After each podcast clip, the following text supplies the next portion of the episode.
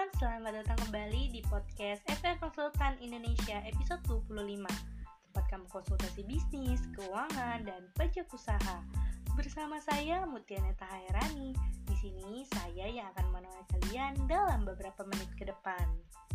Bagi kamu nih yang lagi belajar ingin menjadi pebisnis, jualan online bisa menjadi pilihan menarik. Karena jualan online lebih mudah untuk kamu mulai dan membutuhkan modal yang tidak terlalu besar. Tentu sebelum kamu terjun lebih jauh untuk perjualan online, akan lebih baik kalau kamu menentukan produk atau layanan apa yang ingin ditawarkan. Dan pastikan kamu betul-betul memahami produk atau layanan yang ingin kamu tawarkan. Kegiatan bisnis online juga dapat diwujudkan dalam berbagai jenis platform, seperti website, toko online, blog, hingga akun sosial media.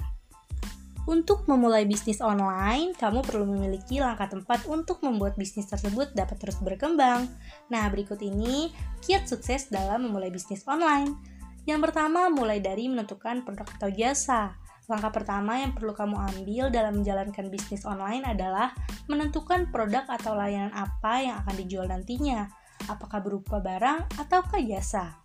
Pikirkan apa yang menjadi passion kamu dan selalu cari yang dibutuhkan banyak orang.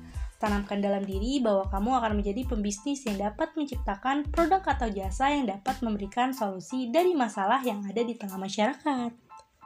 Yang kedua, membangun mindset yang tepat sebagai pembisnis. Berbisnis berbeda dengan berdagang. Oleh karena itu, memiliki mindset pembisnis yang tepat dan sikap mental yang positif sangatlah penting. Fokuslah terhadap satu jenis bisnis terlebih dahulu, sampai kamu dapat menjangkau pasaran luas dan memperoleh pelanggan yang tetap. Selain harus tetap fokus, kamu juga gak bisa mudah menyerah dan goyah kalau dalam perjalanan bisnis mengalami pasang surut. Karena dalam bisnis kegagalan dan berhasilan adalah hal yang wajar.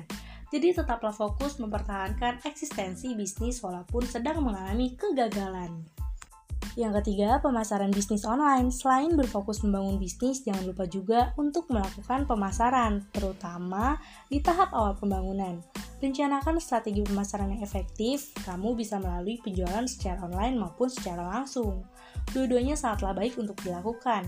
Namun, di zaman teknologi seperti saat ini, menggunakan strategi pemasaran lewat digital sangat mempengaruhi bisnis untuk lebih banyak dikenal orang lain.